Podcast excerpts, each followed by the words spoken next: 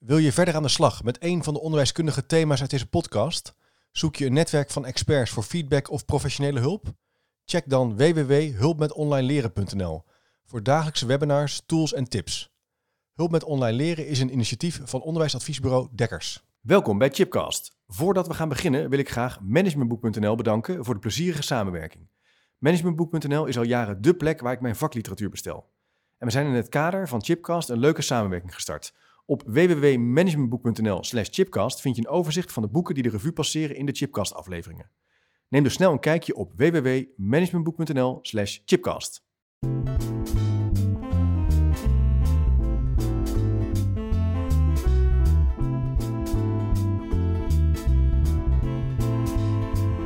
Welkom bij Chipcast, een programma waarin ik op zoek ga naar nieuwe antwoorden en verrassende perspectieven op vragen die mij bezighouden. Leuk dat je luistert naar alweer podcast aflevering 76. En in deze podcast ga ik in gesprek met Paul Kiersner, emeritus hoogleraar onderwijspsychologie aan de Open Universiteit en onder andere ook gastprofessor aan de Thomas More Hogeschool. Paul Kiersner is toonaangevend wetenschapper op het gebied van leren en onderwijs en heeft ongeveer 300 wetenschappelijke publicaties op zijn naam staan.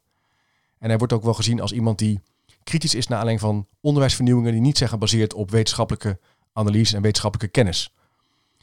En in deze podcast ga ik met Paul Kiersner in gesprek over twee hoofdvragen. Vraag 1 is, hoe leren kinderen eigenlijk? En de vervolgvraag is, wat doet een goede leerkracht dan?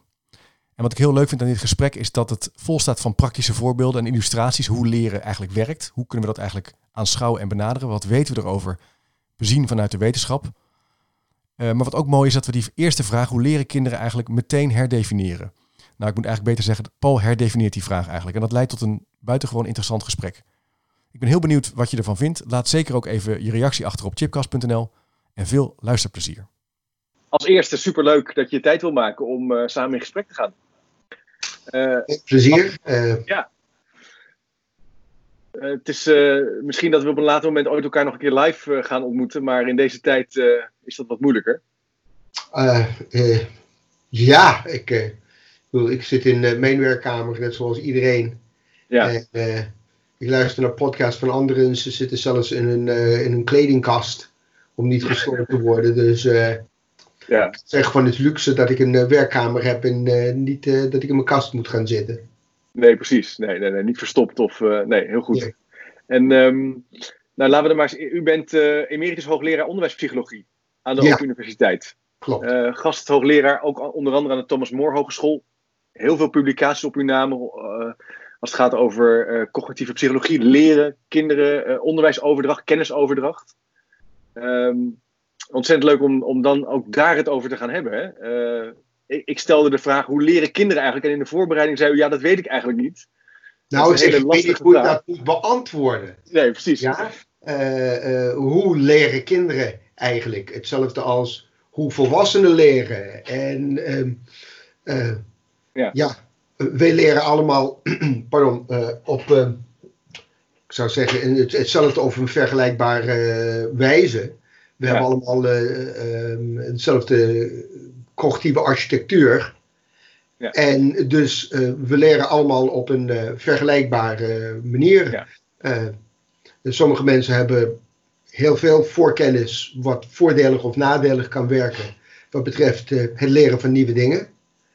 Um, maar dat heeft niks met um, kind of volwassen, behalve dat waarschijnlijk hebben volwassenen uh, meer achtergrondkennis over uh, meer gebieden. Maar in wezen komt dit op, uh, op hetzelfde neer. Dus daarom denk ik van, ja, hoe moet ik zo'n vraag beantwoorden?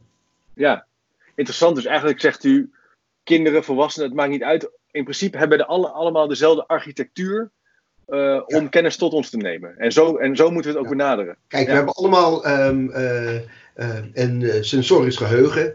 we nemen alles om ons heen waar. Um, we nemen geluiden, geuren, smaken, wat we voelen, wat we zien. We nemen dat waar.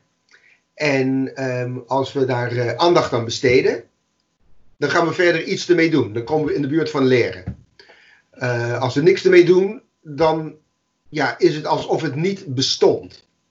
Ja. Uh, uh, je bent in een ruimte en je hoort mij praten, maar als ik op dat moment zeg van, en ja, er is een op de achtergrond is er een heel vervelend zoomgeluid van de airco. Um, dan ineens neem je het waar, maar daarvoor nam je het niet waar, dus deed je er niks mee. Maar op het moment dat ik het zeg, neem je het waar en op dat moment um, denk je daaraan, hoor je dat. Ja? Nou, dan komt dit van je sensorisch geheugen naar je korte termijn geheugen. Nou, doe je niks in je korte termijn of je werkgeheugen. Doe je er niks mee, dan ben je het kwijt.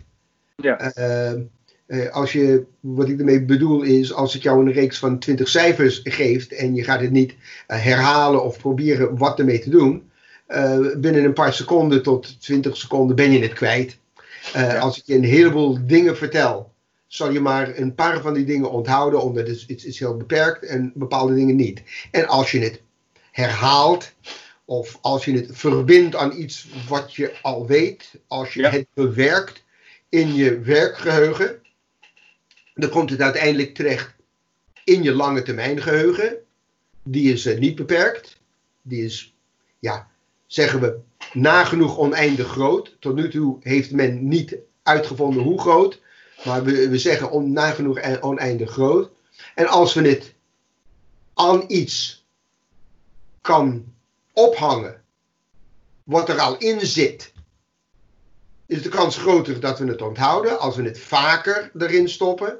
Als er meer is om het eraan op te hangen. En dat bedoel ik van. Uh, uh, als je al 17 verschillende honden hebt gezien en je ziet een nieuwe hond, dan komt het in de schema honden. Omdat dat heeft uh, vier poten, twee oren, gaat ja. woef woef. Ja? En ook al ziet het een beetje raar uit, niet zoals de andere, voldoet dit aan de eisen om in de, de, de, schema hond terecht te komen. Als je dat niet in je hoofd hebt, moet je die schema gaan bouwen. Dus moet ik je helpen zo'n schema te maken. Zoals een hond heeft vier pootjes, gaat woef woef enzovoorts. Um, uh, ik heb allerlei manieren om te doen. Ik kan je de advanced organizer vooraf, ik kan je voorbeelden geven enzovoorts. Maar als je dat hebt, als ik het op verschillende wijzen Zorg dat je het in, je, uh, in een cognitieve schema kan ophangen of aan verschillende schema's. Dus schema hond, maar schema huisdier en schema enzovoort. Dan is de kans groter dat je het zal onthouden. En um, naarmate ik het vaker aan je vraag om het eruit te halen. Zoals, uh, hoe noemden we dat? En hoe ziet een hond eruit? En ga zo maar door. Ja, ik ja. doe het op verschillende manieren. Ja uh, versterk ik uh, het uh, terughalen uit je geheugen. Nou, in wezen is dat het leren. Het ja, is meer, het is niet minder. Zo, zoiets hebben we. hebben allerlei technieken, zeg maar, didactische technieken, instructional techniques, om te zorgen dat we het vaker en meer saillant erin stoppen en vaker en op verschillende wijzen eruit haalt. En dan maak je het uh, vaker op verschillende wijzen in je lange termijn geheugen stopt. Uh, zeggen we wat de storage strength, dus dit, het, het, het, het bewaarsterkte, omhoog gaat. En naarmate we het en op verschillende wijzen uit je lange termijn geheugen haalt, zeggen we dat de retrieval strength, de terughaalsterkte, dat die vergroot wordt. Ja. En het hele doel van het onderwijs is om te zorgen dat het zo sterk mogelijk erin komt. Ja. En zo vaak en sterk mogelijk eruit gehaald kan worden. Ja, ja. ja dat, je hebt, dat je het kan terughalen wanneer je het nodig hebt. Precies, Omdat, zoals precies. ik zei, je, je, je, je, je, je, je werkgeheugen is zeer beperkt. Dus als je dat, die hele schema honden in één keer eruit kan halen, heb je maar één chunk in je werkgeheugen op dat moment. In plaats van uh, eh, 740 verschillende soorten honden en huisdieren en wat dan ook. Haal je dat eruit en kan je zeggen, wat dat nieuwe wat je ziet, kan je verbinden eraan, hupsakee, het zit er weer in. Ja. ja. Dus daarom is het ook heel belangrijk om iets, te kunnen, om iets op lange termijn te kunnen onthouden. Zodat je dat in dat werkgeheugen ja. kan plaatsen. Zo werkt ons brein eigenlijk. Ja, um, ons, ons, ja. ons werkgeheugen is beperkt. Het, ja, ja. Het, je kan niet al te veel dingen tegelijkertijd proberen te doen of verwerken. En dus als wij um, onderwijs aanbieden op een manier waarop het uh, zeer complex is en heel veel dingen tegelijkertijd moeten gebeuren, dan is het uh, heel moeilijk om ervan goed te leren. Het, het, het, gaat, en, en, en het gaat over het gaat over twee dingen. Het gaat over hoeveel verschillende dingen tegelijkertijd en hoe complex dat is. En dan bedoel ik het volgende. Uh, hoeveel dingen als ik uh, eh, 25 Nederlands woorden wil leren en uh, eh, 25 Engelse woorden, dus mhm. nieuwe Engelse woorden. Dus ik heb 25 Nederlandse woorden, die ken ik de Nederlandse taal. En ik wil 25 Engels woorden. Voor mij was het andersom toen ik naar Nederland kwam. Ik kende de Engelse woorden en niet de Nederlandse woorden.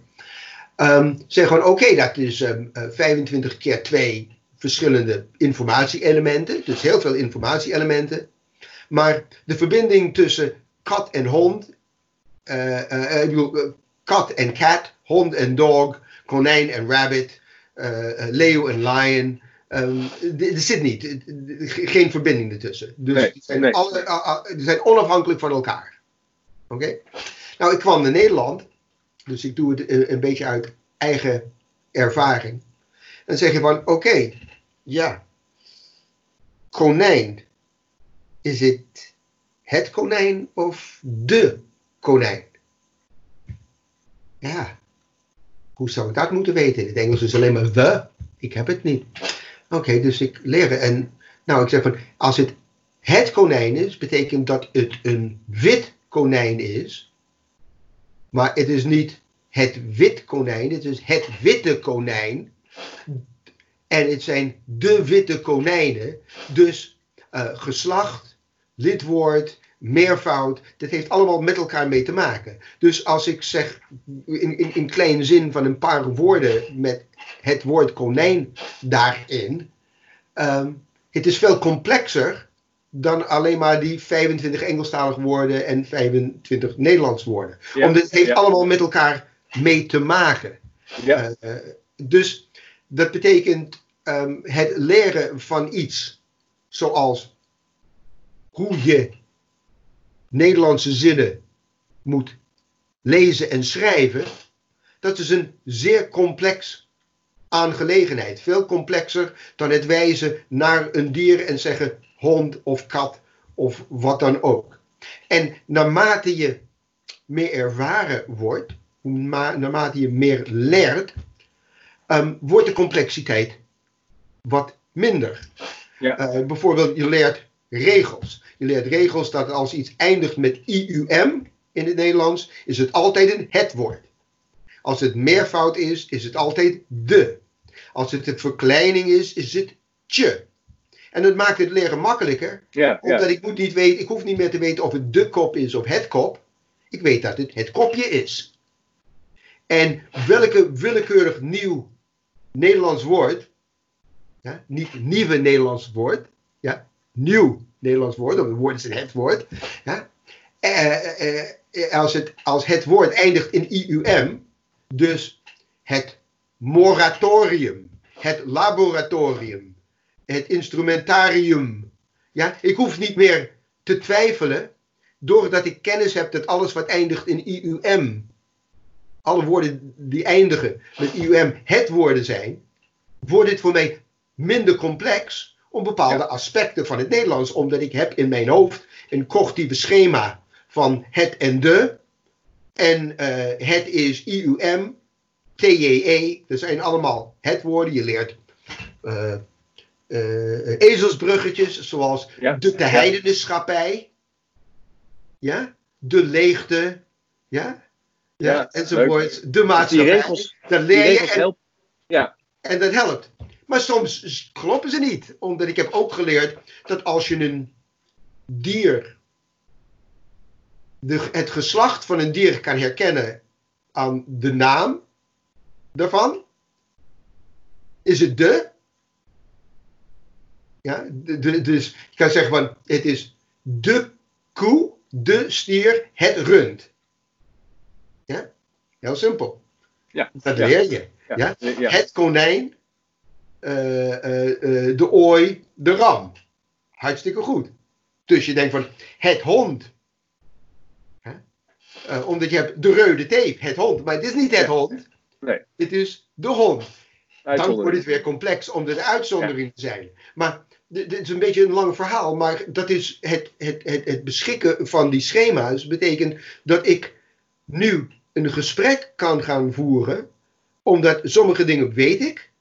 Dus gewoon sowieso, door heel veel te zeggen en oefenen. En sommige dingen heb ik schema's in mijn hoofd. Dat als ik iets tegenkom waar ik niks van weet, kan ik toch zo'n schema gebruiken om te weten, is het de, is het het? En af en toe is, ja, zit ik in een probleem, omdat ik heb het niet in mijn hoofd.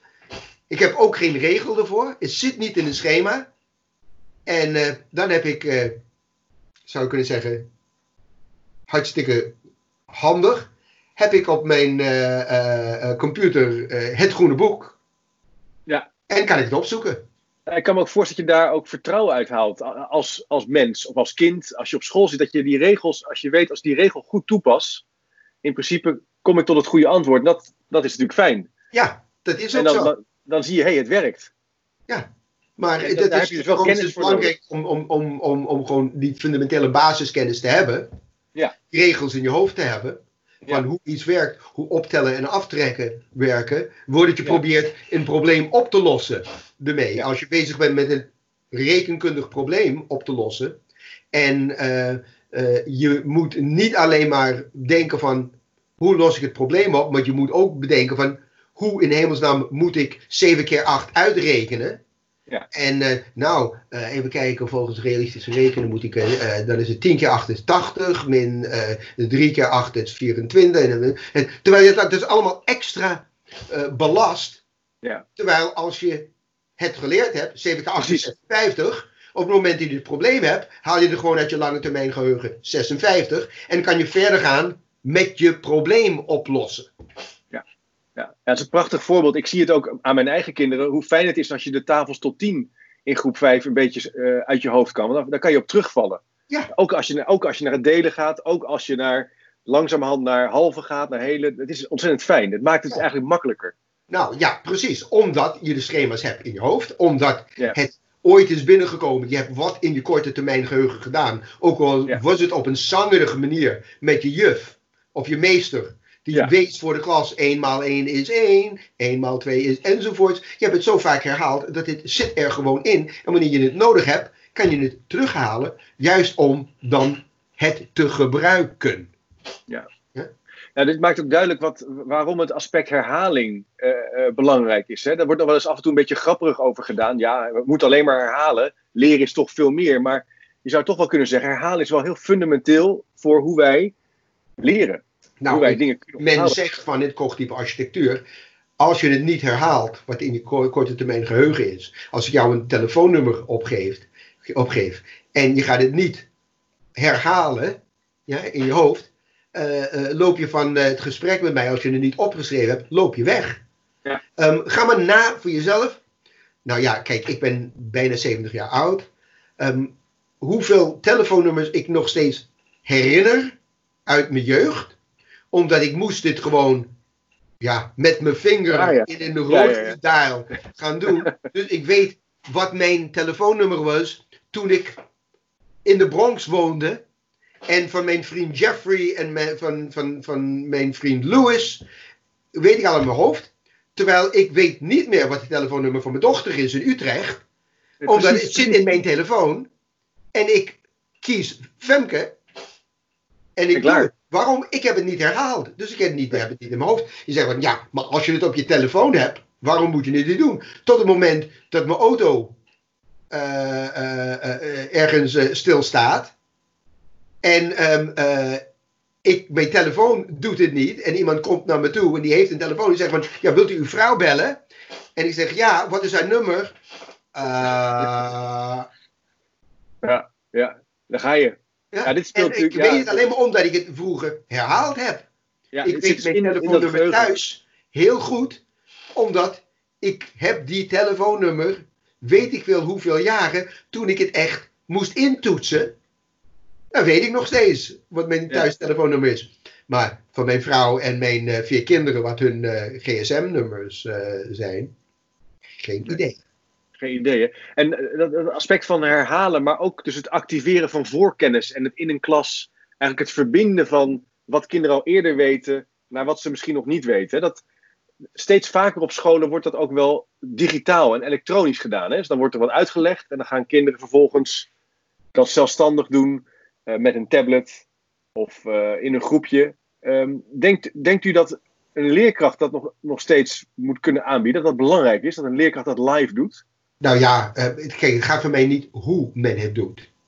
Het gaat om het principe van uh, uh, vooraf kennis ophalen. Voordat je aan iets nieuws begint. Ja. Uh, voorkennis wat iemand al weet, of van een analoge situatie, of wat dan ook, waarin het nieuwe verbonden kan worden aan het oude. Dat is belangrijk. En als de docent dit aan het begin van de les doet, door middel van um, uh, wat waren de drie belangrijkste functies van de longen, uh, die we gisteren bespraken. Of ja. Ja. geeft iemand een quizlet waarin het staat. Daar gaat het me niet om.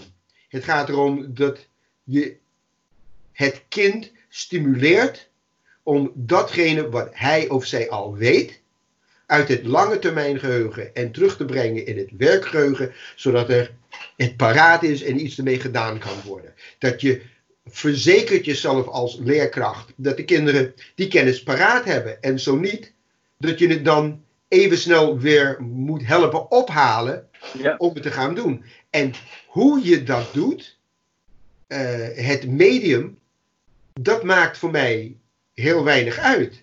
Nee. Um, we weten sinds 1983, waarschijnlijk daarvoor, maar een heel mooi onderzoek uh, in Review Educational Research van uh, Richard Clark, Dick Clark.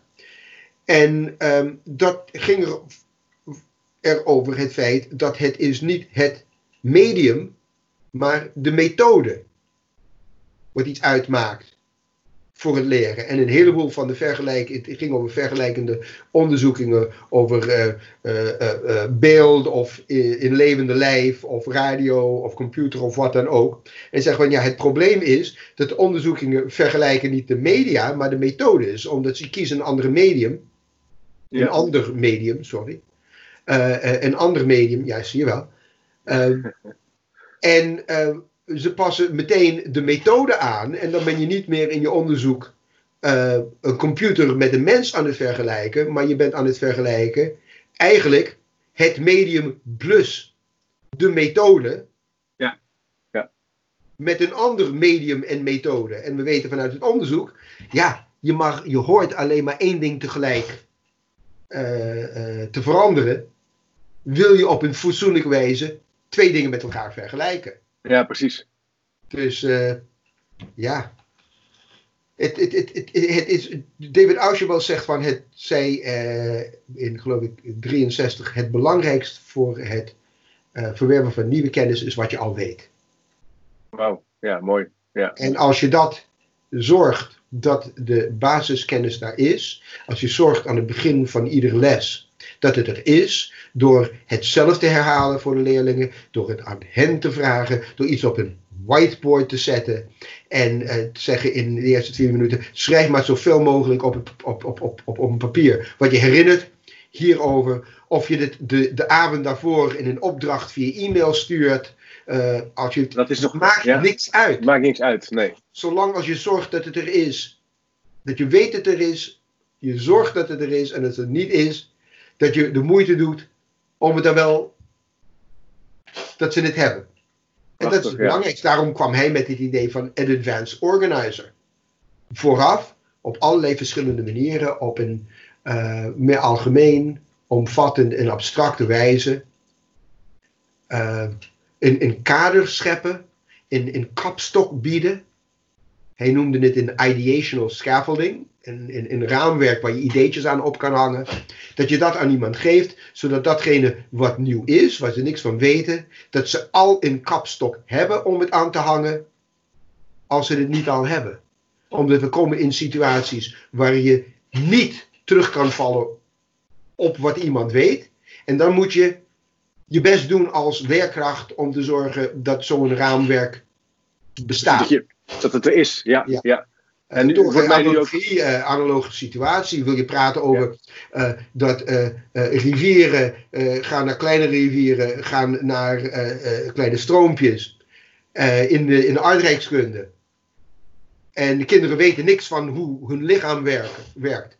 Maar je kan ze hebben wel in biologie iets geleerd over een hart. En die gaat van een, een, een aorta naar een, een, een, ader, naar uh, een capillary in het Engels. Ja, ja, ja. ja. Haarvaten. Vaten. Haarvaten, ja. Ja, um, dan kan je zeggen, van, nou, dat hebben we. Nou, zo werkt het een beetje bij rivieren. Maar aan de andere kant op. Het gaat van de haarvaten naar grotere uh, aders. Nou, uiteindelijk naar de posterior of de anterior vena cava. En uh, zo gaat het ook bij. En, en dus hebben kinderen al meteen, de persoon die de biologie weet, al een idee van al die kleine uh, haarvaatjes. Nou, dat zijn die stroompjes en wat dan ook, die naar de grotere rivieren, naar uiteindelijk naar de Maas en, en, en, en, en, en Waal en zo. En komen uit in zee. Nou, zo bied je ze als het ware via analogie een soort voorbeeld vooraf. En ik heb het nu over middelbare scholieren die wel misschien biologie hebben gehad, maar uh, niet nee, maar dit speelt ook in waterscheidingen en weet ik veel wat. Ja, Of misschien andersom. Misschien hebben ze het wel in aardrijkskunde, maar je gaat nu over naar het lichaam, dan doe je het andersom. Ja. Maar je gebruik je een analogie om dat te doen. Nou, op zo'n manier creëer je als het ware een raamwerk waarin dat nieuwe aan opgehangen kan worden. In nee, is... analoge raamwerk. Prachtig voorbeeld ook. Ik heb eerder ook hier met Erik Meester over gesproken, die eigenlijk ook zei van hoe belangrijk het is om terug te vallen op wat, je, wat kinderen al weten. Ook in, op, in groep 3 speelt het natuurlijk ook, of in groep 2 al, met ja, het werkt van klein naar groot. Het werkt het eigenlijk werkt in alles. Ja, dus. het werkt altijd. En ehm, eh, wat, ik eigenlijk, wat ik nog aan u wilde vragen, misschien had ik dat vooraf moeten doen, maar, of in, in het begin willen doen, maar toch even. Wat maakt nou dat u uw hele leven met dit vak bent bezig geweest? Oh, dat is, uh, ik, ik hoop dat uw um, telefoon die aan hier in mijn kamer is, uh, niet oh, hoort, stoort op de achtergrond. Oké. Okay. Um, het kwam oorspronkelijk. Even wachten, we moeten even stoppen. Oh, nu is het. Ja. Als het nog eens een keertje gaat, omdat het kan heel belangrijk zijn, maar misschien is mijn vrouw buiten in de tuin. En dus dat moet je gewoon uitsnijden. En ze moet dit telefoontje hebben. Dus, geen eh, probleem, geen probleem, helemaal geen probleem. Um, kwam uit frustratie. Ja? Ja. Oh. Um, ik, uh, in tegenstelling tot wat men denkt over mij, um, heb ik een eerste graads bevoegdheid in uh, wiskunde, biologie en algemene natuurwetenschappen. Ik heb ook op een middelbare school in Amerika heb ik gewoon les gegeven. Ik heb een bachelor in psychologie in Amerika en ook nog eens een eerste graads bevoegdheid. Dus dat zijn die twee dingen tezamen. En ik gaf les in uh, wiskunde. Nee, het was les in biologie waar ik gefrustreerd van raakte. Aan uh, middelbare uh, scholieren, middle school, dat is groep 7 en 8 en de eerste en tweede klas van de middelbare school. En ik had heel normale kinderen, niks bijzonders. En altijd in een klas had je eerst misschien 4, 5, 6, 7, 8 kinderen die het niet snapten de eerste keer dat je het uitlegde. En misschien de eerste de 18 of 20 die het wel snapten. Ja. En daarna legde je het op een andere manier uit. En bleef je nog wat kinderen overhouden die het niet snapten. En je had sommige kinderen die na drie, vier, vijf verschillende manieren. met een hele arsenaal aan wat ik kende. en trucjes en tipjes. Uh, en daar waren niet veel. Uh, van de lerarenopleiding uh, had geleerd. paste ik toe. En ze leerden nog steeds niet wat ze hadden kunnen of hadden moeten leren, hoe je het ook wil zeggen. En dat frustreerde mij. Dus op dat moment besefte ik, ik weet niet wat ik wel wil worden, maar ik weet dat ik geen leerkracht wil blijven. Omdat ik kan niet met die frustratie omgaan. Ik ken mezelf. Oké, oh wow, ja. Ik, ik, was altijd een leerling die heel snel leerde. Je hoefde het nooit twee keer uit te leggen. Ik, ik hoefde nauwelijks te studeren de avond van tevoren. Uh, ik, ik, als ik oplette in de klas, dan, dan was dat voldoende dan had je het, om minstens een acht te krijgen. Oké? Ja, uh, het is uh, niks bijzonders. Het, ik, het maakt mij niet goed. Het is gewoon iets wat in mij zit. Ik hoefde niets te doen. Oké? Ik heb er niet, niet, voor gewerkt. Niks voor gedaan. Ja? Um, dus ik ben weggegaan uit Amerika. Met dit idee van. Ik weet wat iedereen om me heen denkt dat ik zou willen. Zou moeten doen. Maar ik weet niet wat ik wil doen. Dus ik dacht, ik ga een jaartje weg. Ik ga rondreizen. Ik ga naar Europa. Ik kende wat mensen die in Amsterdam woonden. Ik ga door Europa reizen.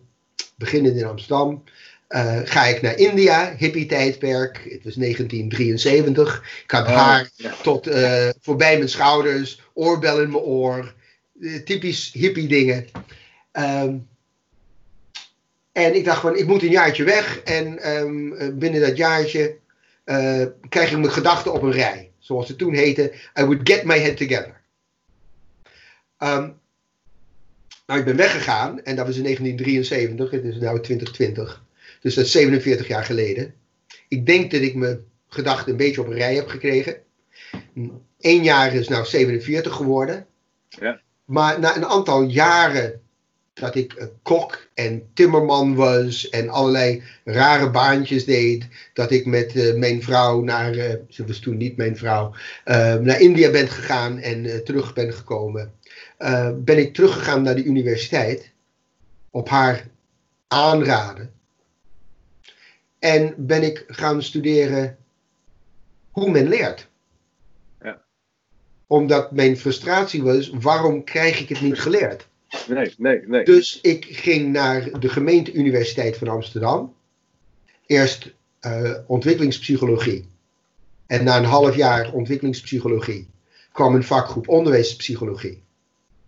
Met de wijlen Christian Hamaker uh, aan de leiding daarvan. En uh, ben ik onderwijspsychologie gaan studeren en met een specialisatie in iets wat heette tekstkenmerken en leerprocessen.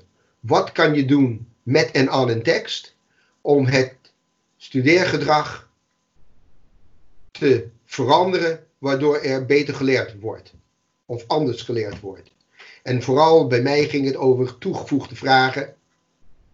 Ik ben, uh, dat is vragen die je geeft vooraf aan iets lezen of iets horen, of achteraf. Met het idee van door middel van bepaalde soorten vragen te stellen, kan je het leesgedrag en het leergedrag uh, beïnvloeden. Ja. Als je altijd kennisvragen stelt vooraf aan een tekst, gaan kinderen, mensen lezen om kennis eruit te plukken.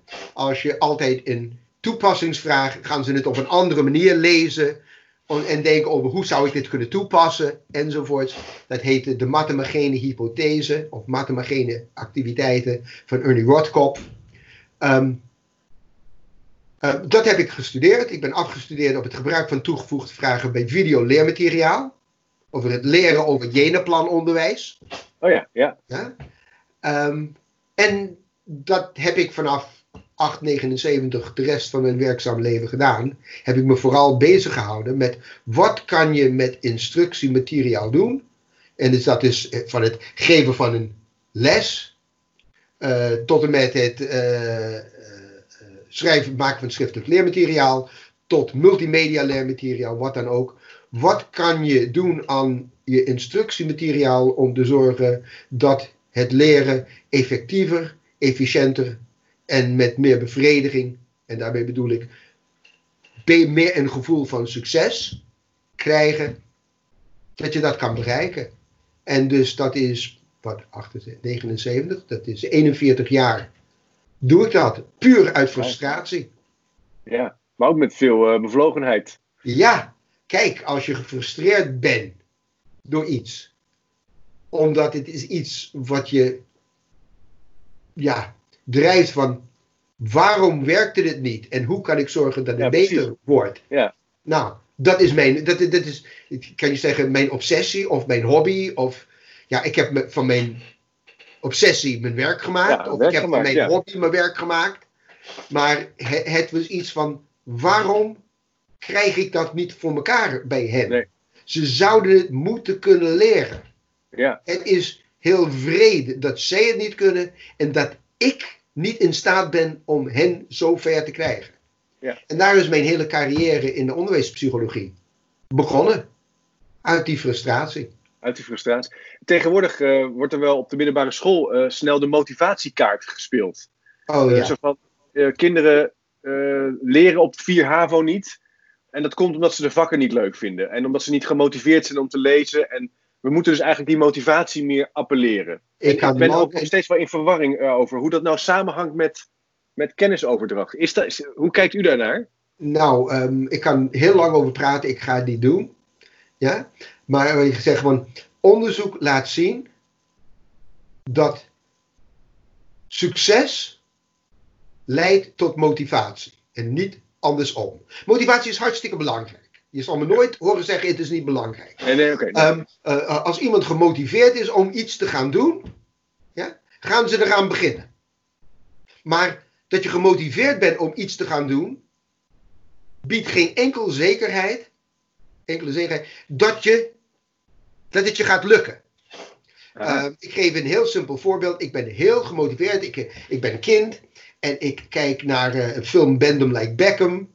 En ik kijk naar uh, Messi.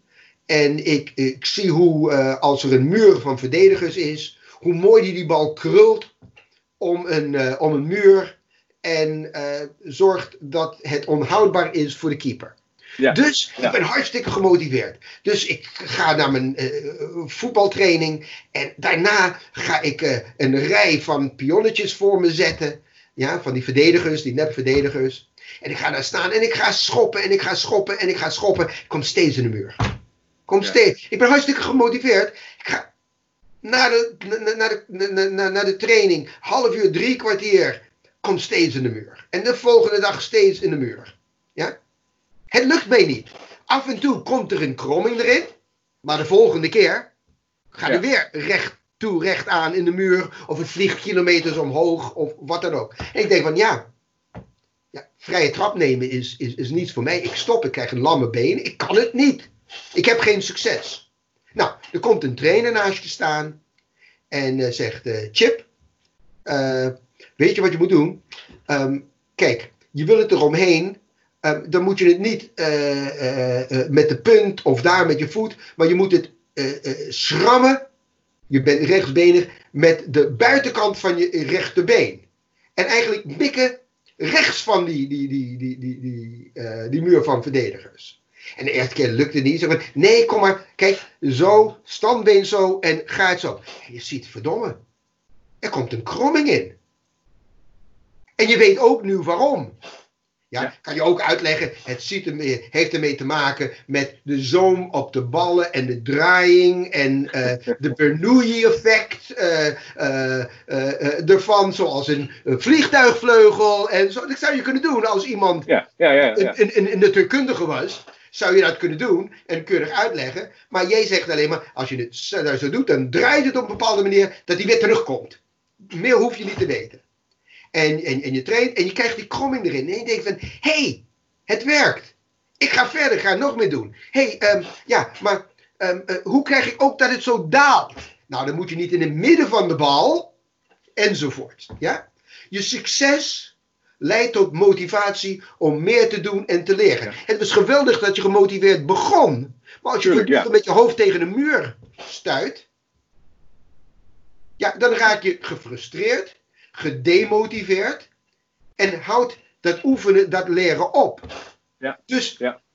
misschien hebben die kinderen geen motivatie, omdat ze hebben leerkrachten die hen niet. Die, die, die, die hen succes niet hebben laten ervaren. Of dat ze iets ermee, eraan hebben. En natuurlijk moet je beginnen door kinderen, volwassenen, wie dan ook, te proberen te motiveren. Een goede docent kan dat doen. Dus je zal me nooit horen zeggen van nee, motivatie is niet belangrijk. Het is hartstikke belangrijk. Maar het is een eenrichtingsstraat.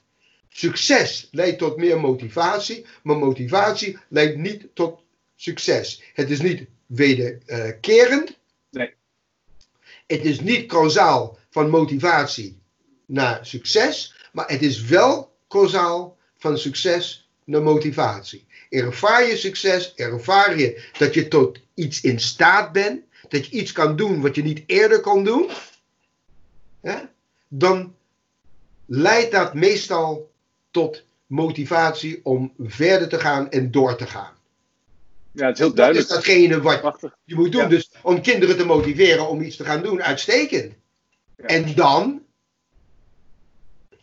Ja, dan begint nou, wat mij opvalt, maar dat is, dat is mijn eigen interpretatie hoor. Wat ik wel veel zie in als ik dan op basisscholen kom voor onderzoek wat ik doe, uh, uh, is dat er veel aandacht wordt besteed aan um, kinderen vragen stellen over wat ze leuk vinden en wat ze interessant vinden en wat ze, waar ze warm voor lopen. En dat zijn op zich leuke vragen. Ik kan best wel ook wel voorstellen dat dat af en toe interessant is. Maar soms voel je gewoon aan dat dat op een gegeven moment, met name van kinderen van 8, 9, 10, dan houdt het op. Nee, maar het moet, dat moet niet leidend zijn. Het moet niet leidend zijn, nee. En, en dat ik vind ik, het slaat dus vragen wat ze leuk vinden, uh, vragen misschien sluit het op een of andere manier aan wat je, wat, wat je wil gaan Precies. doen. Precies. Maar sport die je doet of zo, uh, ja. School is om dingen aan te bieden. De taak van school is dingen aan te bieden waar de kinderen niet mee in aanraking zouden komen. Wat ja, ja, oh, ja, interesseert. Het interesseert geen enkel kind hoeveel, ja, ja de, de, de, ene nerd zoals ik, die rekenen en wiskunde geweldig vond. Ja, en nog steeds alles en nog wat aan mijn hoofd kan rekenen en startdelingen. En dan kan ik zelfs vierkantswortelen trekken op papier en zo. Dat kan ik allemaal nog doen. Ja.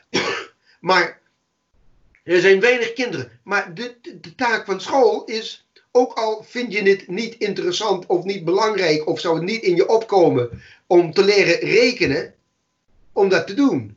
Ook al zou het niet in je opkomen om te leren lezen. Of uh, wat de provincies van Nederland zijn. Of ons vaderlands geschiedenis. Ik bedoel, wil je dat kinderen iets snappen van um, uh, hoe onze maatschappij in elkaar zit. En dat ze burgerschapskunde ja. hebben. Dat kan je niet doen zonder weten hoe onze economie, hoe onze geschiedenis in elkaar zit, in al zijn facetten. Je kan niet in vak burgerschapskunde ja, dan geef je ze een stel regels en zeggen van nou, als je een goede burger bent, doe je dit. En uh, uh, zorg maar dat je het doet en ben een, goed goede, goede, een, een, goede burger. Ja, nou, dan ben je niet.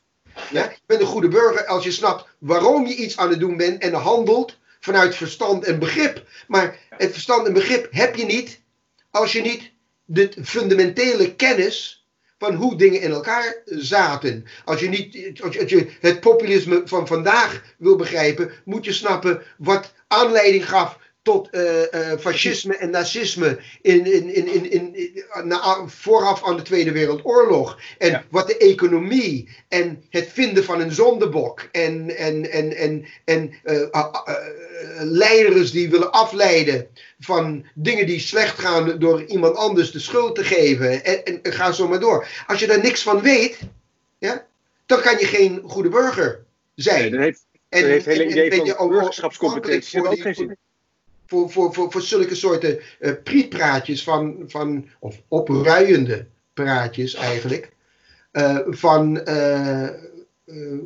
van politici en zo.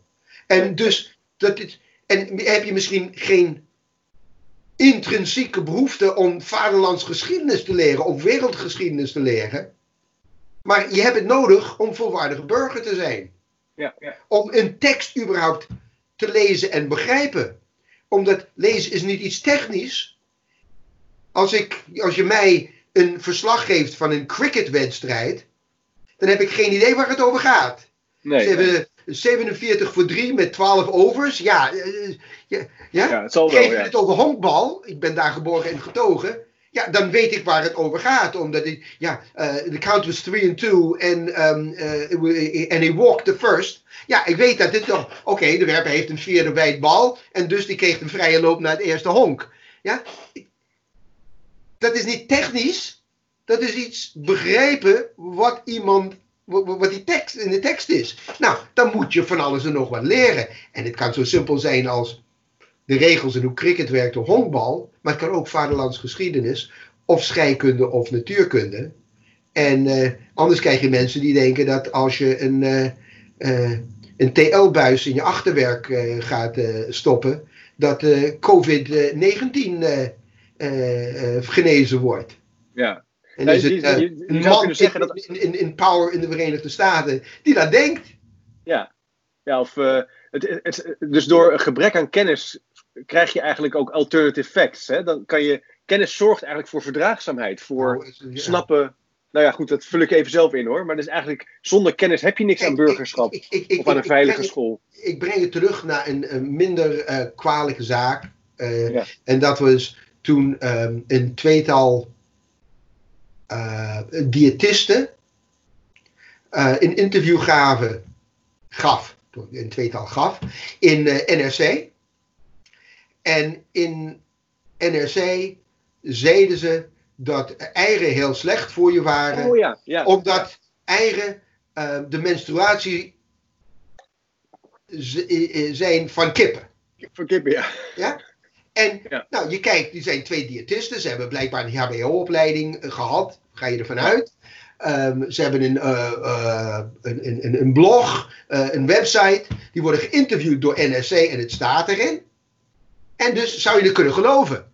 Ja. Zou je geneigd zijn. Als je biologie hebt gestudeerd, weet je dat er maar één diersoort, en dat zijn zoogdieren, één diersoort is dat ovuleert en menstrueert. Ja, en niet alle erin, maar zeg maar. En dat zijn zoogdieren. En als je iets weet van je biologie, weet je dat vogels, dus kippen, geen zoogdieren zijn. Dus je kan, het kan nooit het geval zijn dat eieren kunnen wel slecht voor je zijn. Maar het kan nooit zijn omdat ze de menstruatie van kippen zijn. Omdat kippen menstrueren niet. Maar dan kan je alleen maar ontcijferen als je de biologische kennis hebt om te zeggen van, hé hey, hé, hey, maar kippen ovuleren helemaal niet. De meeste mensen weten niet hoe een kip een ei legt en wat een cloaca is en zo. Nee, ja? nee. Dus ze nemen het aan. Zonder kennis ben je niet in staat om nieuwe, misschien zelfs logisch informa klinkende informatie te beoordelen om na te gaan of het juist is of niet. Dus dat idee van we hebben geen kennis nodig omdat we hebben allemaal een, een, een telefoon en we kunnen het opzoeken met Google. Leuk, maar punt 1. Hoe, hoe, hoe vind je wat, iets wat relevant is? Hoe bepaal je of het überhaupt betrouwbaar is? Hoe bepaal je of het kan gebruiken? Zonder kennis heeft Google geen nut. Dan is um, de eerste de beste uh, podcaster of um, weet ik wel wie even slim als een uh, wetenschapper. Ja. Huh?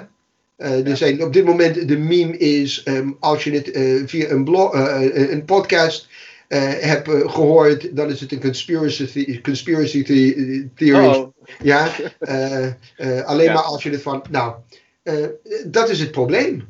Ja. En mensen zonder die basiskennis. Het is heel belangrijk.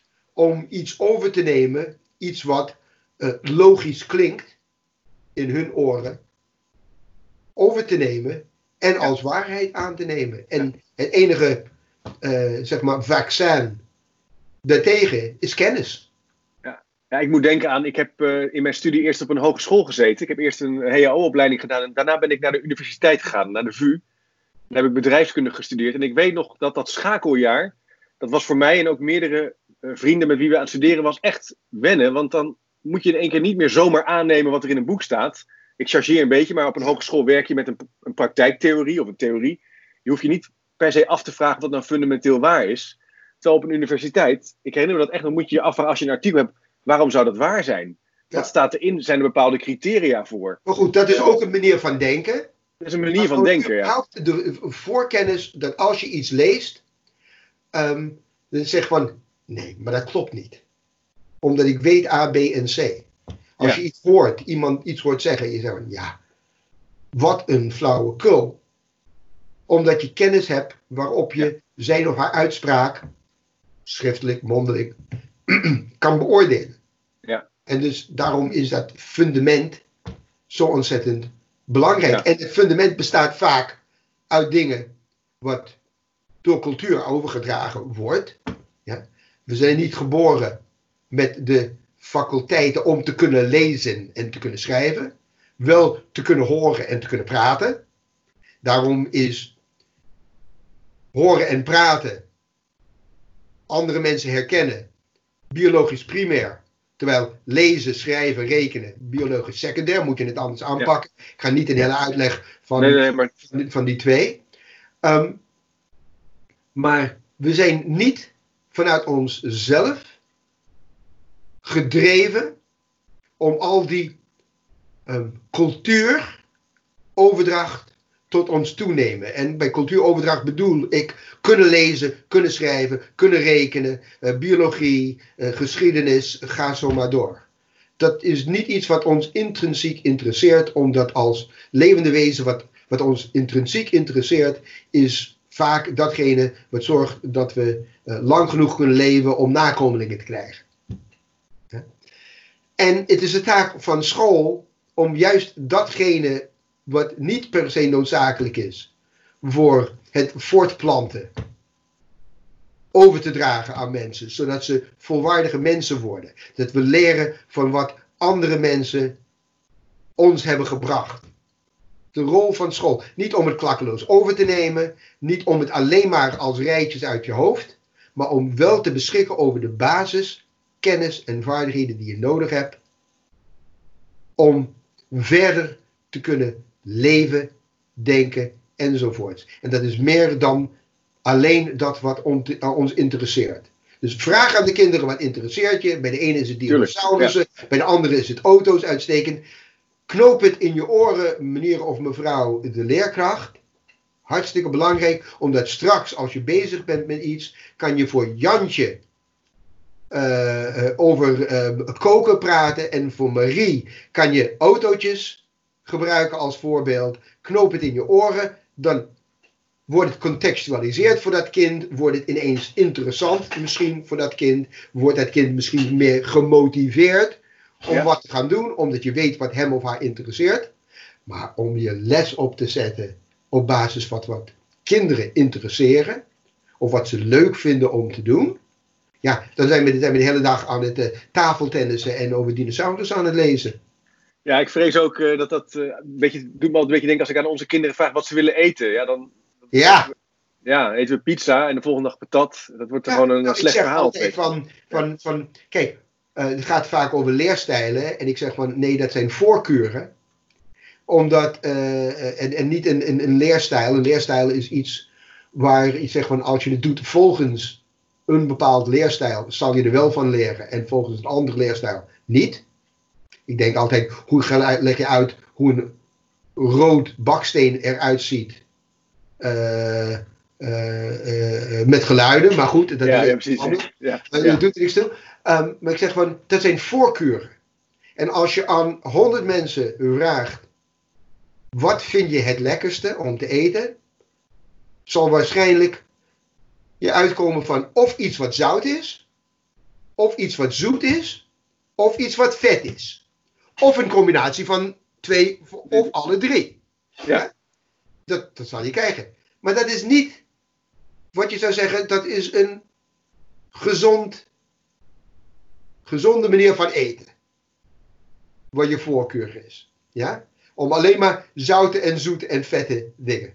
Nee. Groente, zijn geen zout, zoet of vet. Vlees, als het goed is, is misschien een beetje vet, maar niet zoet, niet zout. Um, dat is goed. En dat geldt ook voor het leren. Het gaat niet over van wat je voorkeur is, omdat wij zijn geneigd om vaak onverstandige keuzes te maken. Ja. En vooral, ik ga niet in ontwikkeling van het puberbrein en wat dan ook, maar men zegt, als je met Jolle Jolles praat, uh, uh, en, en, en Evelien Kroon, ze zou zeggen van, ze zijn geneigd om ook onverstandige keuzes, juist omdat ze puber zijn. Maar mensen in het algemeen zijn geneigd om niet de meest verstandige keuzes te maken als het gaat over wat ze eten, wat ze doen uh, en ook wat ze leren en hoe ze leren. En ons taak als leerkrachten, didactici, instructional designers of wat dan ook is, is om te zorgen dat wij iets aanbieden op een manier ja. waar ze effectief, efficiënt en op een bevredigende wijze, dus niet op een fun, leuk wijze, maar op een bevredigende wijze, dus dat ze het gevoel hebben van succes als ze mee klaar zijn. Dat is onze taak. Fantastisch, Paul. Meer niet, minder niet. Nee, nou, dan is het ons denk ik wel een beetje gelukt om hoe leren. Nou ja, eigenlijk zeggen hoe leren kinderen? Zeggen nee, hoe leren mensen? Ja. En dat was de vraag waarmee we starten. Dat vind ik al een hele mooie, mooie draai. En ook de koppeling met wat doet een leerkracht dan hè? in een klas, in een schoolomgeving? Die vraag hebben we ook redelijk weten te beantwoorden. Ja. Eh, het, het leuke, het leuke is dat uh, u heeft heel veel publicaties uh, geschreven, echt hard science. Ja. Maar ook hele toegankelijke boeken die leerkrachten en docenten kunnen lezen. Die zal ik op de website zetten. Een aantal daarvan zijn ook gratis beschikbaar. Daarvan is? Ja, nou daar ga ik al. Ja, ja goed. Ja, heel goed. Heel goed. Grapje.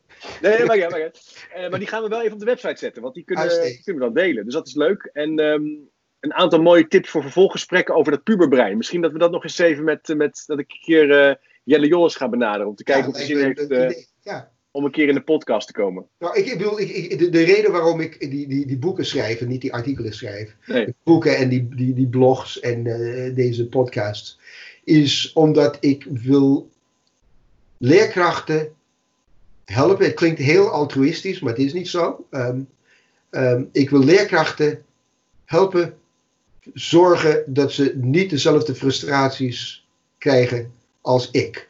Um, Een van de leukste commentaren over um, mijn uh, nieuw Engels boek How Learning Happens, Nederlands is uh, uh, op, op schouders van reuzen, is dat mensen zeggen van ik wou dat ik dit boek had voordat ik leerkracht werd.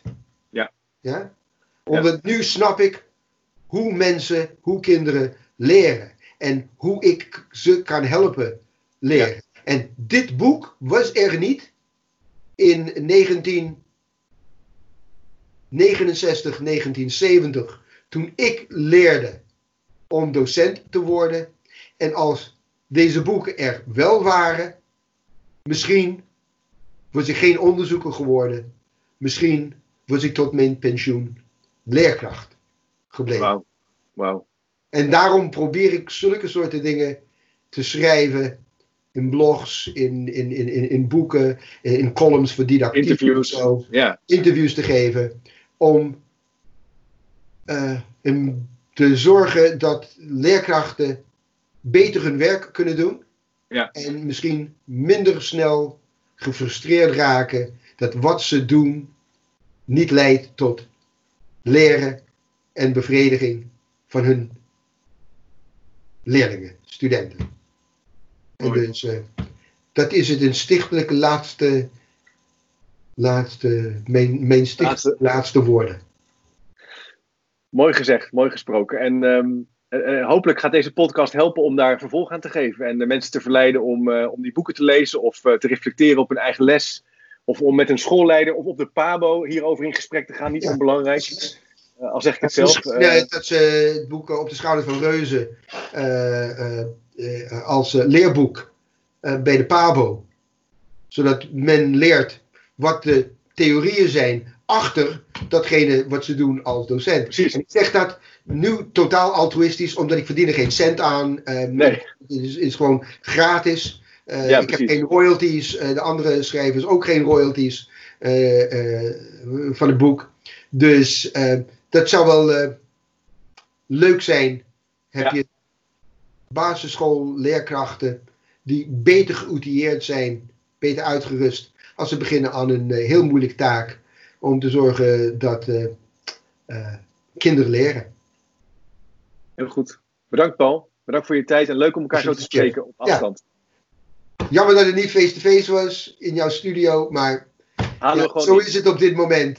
ja, kan niet nieuwe werkelijkheid. Nieuwe werk. kijken, Oké, tot ziens. De tijd vliegt, want het gesprek zit erop met, uh, met Paul Kiersner, emeritus hoogleraar onderwijspsychologie. Ik hoop dat je met plezier hebt geluisterd.